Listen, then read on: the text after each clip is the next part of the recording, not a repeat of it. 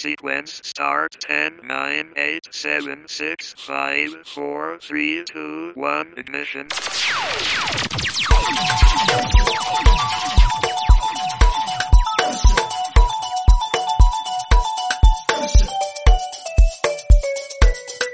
Yebo kambe yebo kambe yebo kambe yebo kambe yebo kambe kuhlangana-ke ku-podcast yakho i-podcast ephakulelwa yithi kanye abangani bakho edialog f m. Kulula kakhulu kuhlangana lathi ebulenjini ku-x yendlethu-ke khona phana ku-at dialog f m. Nxa ufuna ukuhlangana lathi ku-facebook ikhasi lakhona libizwa-ke ngegama elifananayo dialog f m. Nxa ufuna ukuhlangana lathi ku-instagram-ke khona phana lakhona-ke sisebenzisa-ke igama elifananayo udialog f m. Nxa ufuna ukuxhumana lathi-ke khonapha-ke ku-whatsapp kulula kakhulu inombolo yakhona ngu-0773 284 598 uyasithumela umqhafazo khona phana usithumela ivoice note usitshela ukuthi kwenzakalani kwelakho lokitshi kuyakho enkomponi khonapho. Njengoba la uzazela-ke ukuthi i-podcast uvelele nje luhlelo makhaza so sithi gaga sivele singene endabeni straight asimotshe isikhathi khona phana asitshoni silandisa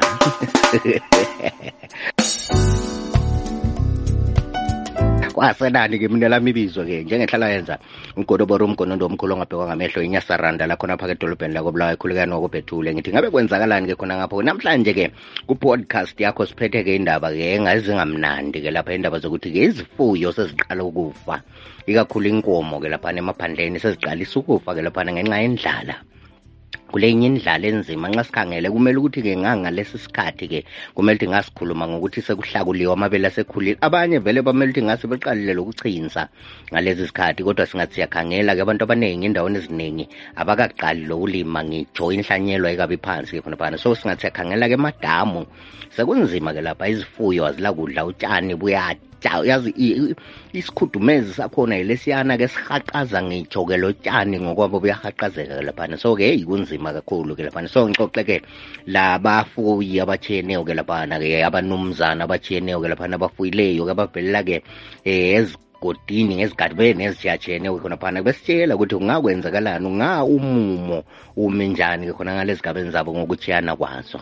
Ngingulanga litshoni ngilapha ebubi enyathi. Umbono wami uthi ngazise ukuthi leli lizwe kukovuka uzenzele akuhlalelwa izandla. Inkomo zezakhamizi kumbe ezakho sezibhalela emanzini. Kutsho khona ukuthi izulu alisani alikho. Amanzi semalutshwana emadamu okufanele ukuthi sikwenze thina asibuyeleni esintwini sethu sisigcine ngoba si, silinde isikhathi lesazange senze imkhuba yesintu. Asidobhanga amathambo asikhiphanga njalo sifaka amakhandlela lamalemba abomvu ezintabeni emifuleni. Umkhathi uthukuthele ingakho libona usenza kanje. Eh uhlupho lwamanzi liqiniso luhlupho osolubhekane labalimi ezigabeni ezishiyatshiyeneyo. Ikungani kwezulu sokuba yenze yafaka izifuyo zabo engcupheni.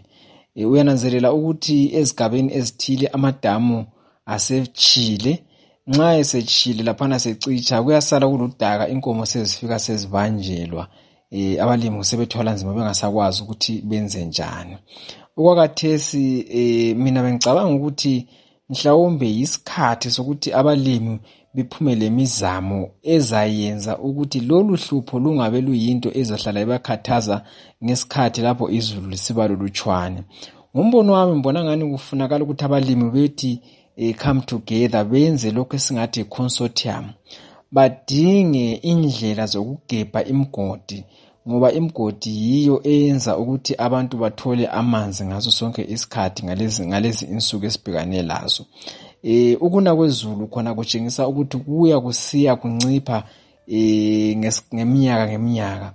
Ngakho ke indaba yomgodi yiyo indlela yokuthi abalimi bengabi lohlupho lokubana inkomo zizaswela amanzi zicine ziyebhalela emadakeni. Into leyi besivele siyibona siyinanzelela ngoba akuqali ukuba le-drought i-drought ivele iba khona ngezikhathi ezithize kungeqa iminyaka emibili emithathu kodwa kuvama kube khona futhi eyinye i-drought enjengaleyi inkomo sezibanjwa ludaka. Mina ngizibuza ukuthi isigaba lesigaba ukuthi laba abantu abavotelwayo laba kulabo MP besigaba kulabo sobhuku kulabo khansila bezigaba kanti bona ngesikhathi kunjalo balemizamo bani ethuthukisa isigaba? Ngaleso sikhathi benanzelela ukuthi kambe nxa idamu leli lingatsha eh amanzi okuthi inkomo zinathe lezinye izifuyo singathatha ngaphi? Kungaba mzamo bani izikotsho kumbe ini? Bese bekhangela ukuthi kambe ukubhorisa isikotsho kungakhosta malini? Sebenanzelela ngezigaba ukuthi bona balabantu abangaki esigabeni. Leyo mali nxa kumbe bakhipha ama-10 amadola dola ngesikhathi esithize kusiyafika isikhathi esinje bengeke bebe bebhorise umgodi yini. Izindaba esiyabe sizikhangele eziletha intuthuko wonke umuntu ezizwe phathekile ayisibo bonke yebo abangayizuza leyo dola kodwa abanye bangenelisa ukuthi instead of ukuthi akhiphe dola sengakhipha i-5 dollars. Omunye sengakhipha i-10 dollars. Ekhavisa lalabo abangabe bengehluleka ukuthi banjani bakhiphe. Ekadeni kwakuthi nxa kukhwamalele kunje kuyaphuma abafundisi labo benze okwezenkonzo kuphume abazomdabo labo bagijime lapho bangene iganga lonke besethula loba iziluguzane eziphezu kwezihlahla lapha lezihlahla ezomleyo ezatshawa yinkosazana beziganyulwa ziwiselwe phandle zitshiswe kuhanjwe emtolo bakhona bahamba emtolo kuyegidwa kucela izulu. Bekusenzakala lokho. Abanye bahambe enjelele abanye behambe edula um beyecela izulu. Yinto kade zitholakala izulu libuye line but okwathesi mina ngibona ngani abantu benkonzo bayahluleka ukuthi beqinise ukuthandazwa kwabo ngoba yikho osokuqiniseka ukwedlula konke abantu bezinkonzo ukuthi sekungamatshetshi kuphela. So ngaleyo ndlela mm, kuzaba nzima sibili kuzakhwama. Njalo sokutshintshile ukuna kwezulu isikhathi sonke. Ngasona lesi sikhathi abantu bayesebeqalisile kwezinye indawo kubeka inhlanyelo phansi abanye sebehlakula. Manje lakathesi lokhu kukhwamalele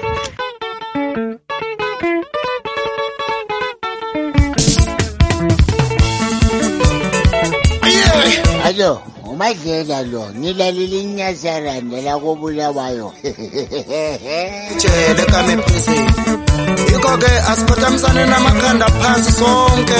Ye kubuhlungu kakhulu lokho esikubonayo. Izifuyo zibhalele emadamu lapho ngenxa yodaka selugcwele emadamu. Sekuthi nga uhulumende uyasebenzisana lezakhamizi lezinye inhlanganiso ezizimele zodwa kuthi nxa izulu lingakani njengakhathesi kugejwe lapha emadamu kukhitshwe udaka lolu selugcwele phezulu. Eh udaka lolu yilo lwenza ukuthi lanxa izulu selisina eh amadamu ephange agcwale kungakabi lamanzi amaningi sibona amadamu esegcwele ngenxa yokuthi ayabe evalwa ludaka lolu seluphezulu ngayo kuyatholakala usizo masinyane kugejwe kukhutshwe udaka lolu. Kodwa lokhu kuze kwenzakale kudingakala ukuthi izakhamizi zibambane zisebenzisana lenkokheli zomdabu abafana labo sobhuku umdlisa izinduna okhansila labo MP abayibo ababavotelayo besebenzisana lengatsha zikahulumende eziyizo ezikhangele ngendaba zamadamu. Amadamu wonke lawa akhitshwe udaka. Ah uvuka njani uvuka njani? Ah ngapha silohlupho ematopo uhlupho lwamanzi. Akula manzi izifuyo seziqalile ukubanjwa abantu bahamba imimango emide besiyadinga amanzi. Eh okuyenza ukuthi lezi mpahla zilahleke zisuka endaweni yekobhango zisiza ngapha kuzemaphisa zidinga amanzi. Ngenxa yokuthi izindawo ezikhona azilamanzi abantu impahla zilahlekile abanye ziyafa ngemkhuhlane etshiyeneyo ezinye ziyabharelwa ngokuwoma.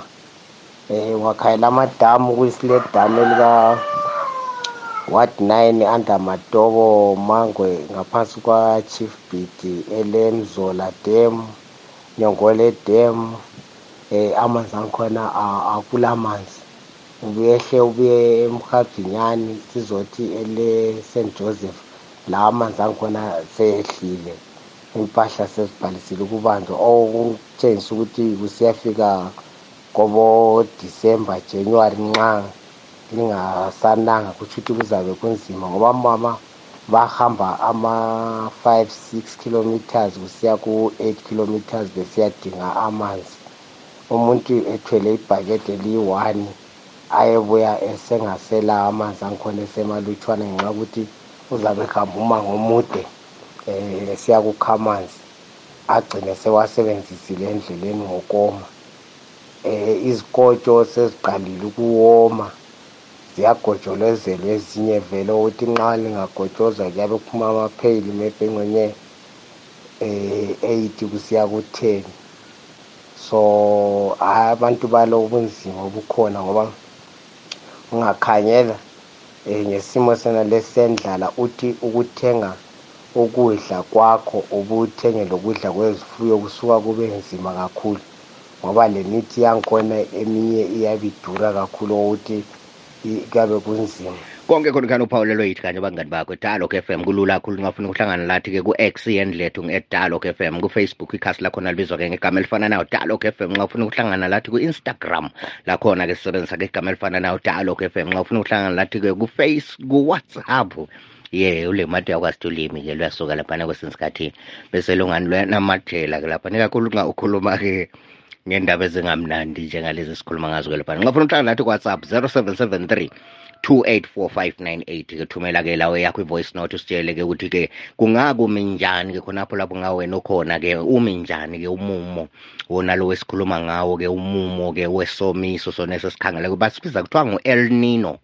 Bakubiza njalo angazi to ngamabizo bizo ke khonokho kabe kuvelela ngapho uzokuthiwa kulabo cyclone idai cyclone mayday ye kulabo el nino. Angazi to ngamabizo khonokho kuvela ngapi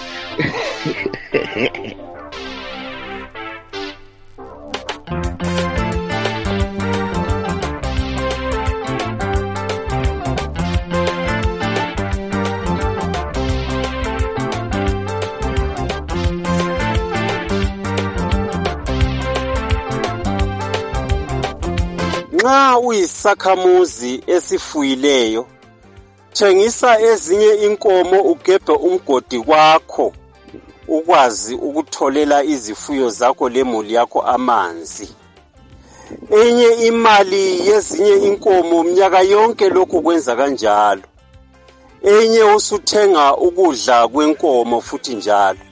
Ngokubana uhulumeni angeke abe lemali yokuthi yokuthi ngapha uxakwa yikufida abantu abaningi kangaka elizweni abangela kudla afide inkomo abe lemali yokufida inkomo zomuzi ngomuzi.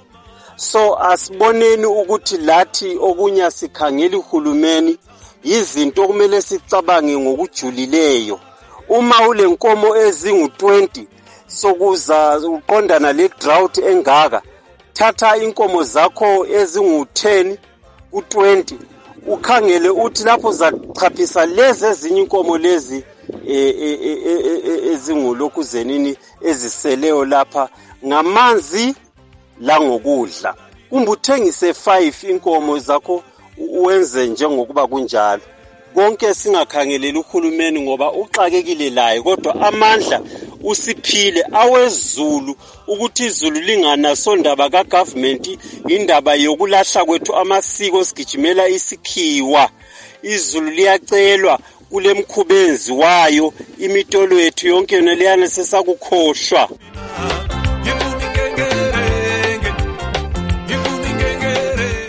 Noma ungaze uthengise inkomo uzama ukuthi ukhave but khonokho yabe ukuthengisile um imali yangikhona iyabe intutshwana ukuthi ukwanise ukubhadalela abantwana besikolo ubuye ukwanise ukuthenga wena ukudla kwakho kizo-ke ukuthi uzithengele kuyabe sokusiba nzima.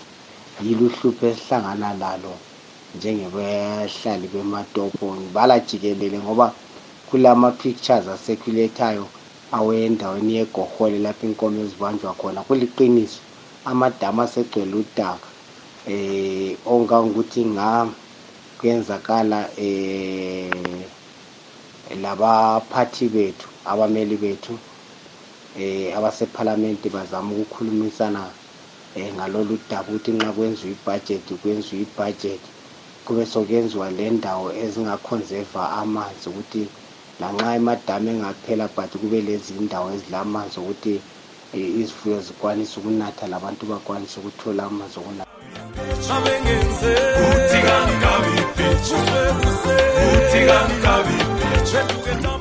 Mizamo bani? Elethwa ngukhansila elethwa ngosobhuku elethwa yinduna elethwa ngumember of parliament esigabeni. Singakhangeleli ukuthi uhulumende kube nguye oncedisa abantu kuphela ngoba uhulumende layo lezakhe inhlupho. But abantu ayisikuthi behluleke ukuthi lezo nhlelo bazenzele.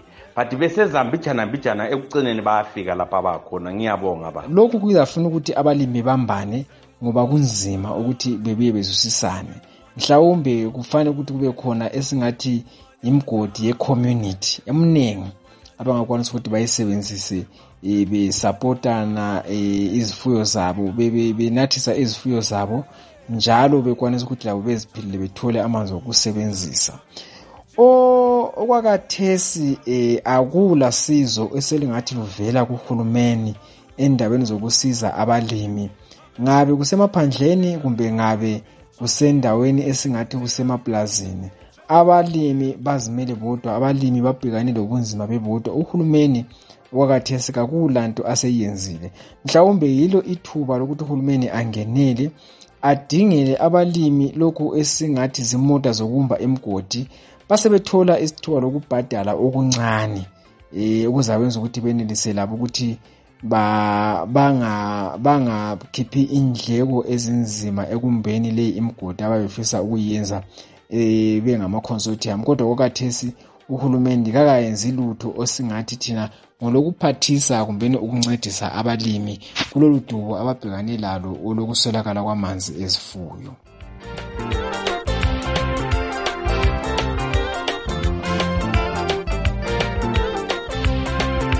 Ngalokho-ke sesifike kunqengetsha kuhlelo lwakho uhlelo oluphawulelwa yithi kanye abangani bakho kidalog f m. Lapho kade sikhuluma khona-ke ngodaba-ke udaba-ke lokufa kwezifuyo-ke laphana-ke isimo sendlala esikhangelane laso elizweni khonapho sithemba ukuthi uhulumende uzabuyaleke le nhlelo-ke ezithile zokuncedisa kabalimi njalo-ke sithemba le nhlanganiso ezizimele zodwa ama-n g o azabuya le nhlelo-ke zokuncedisa abalimi-ke khonaphana ukuthi-ke bengaphelelwa izifuyo ngikhumbula-ke kwaba lo mnyaka-ke kundlala-ke um eminyaka-ke kedlula phana osuthola-ke abantu sethengisa inkomo mhlawumbe ithengisa nge-50 dollars. Esesenzela nje ukuthi idlule zingabi zisifa ubuthumthum ngoba uthola ukuthi umuntu uyabe fuyeke inkomo ziziningi zasezisifa ngoba uningi sibona ukuthi ngcono nithengise ngayo nale mali encane. Okuzindaba ezibuhlungu kakhulu laphana-ke sithemba ukuthi kazisoze zenzeke-ke this time. Konke khona khuyani ukuphakulelwa yithi kanye abangani bakho kidalog f m. Um kusukisela kimi-ke ugodoboro umgonondo omkhulu ongabhekwa ngamehlo inyasarimbi lakhonapha kedolobheni lakobulawa ikhuleka kwanamhlanje kwanele asibe sihlangane kwenye ipodcast elandelayo belusuku olumncwa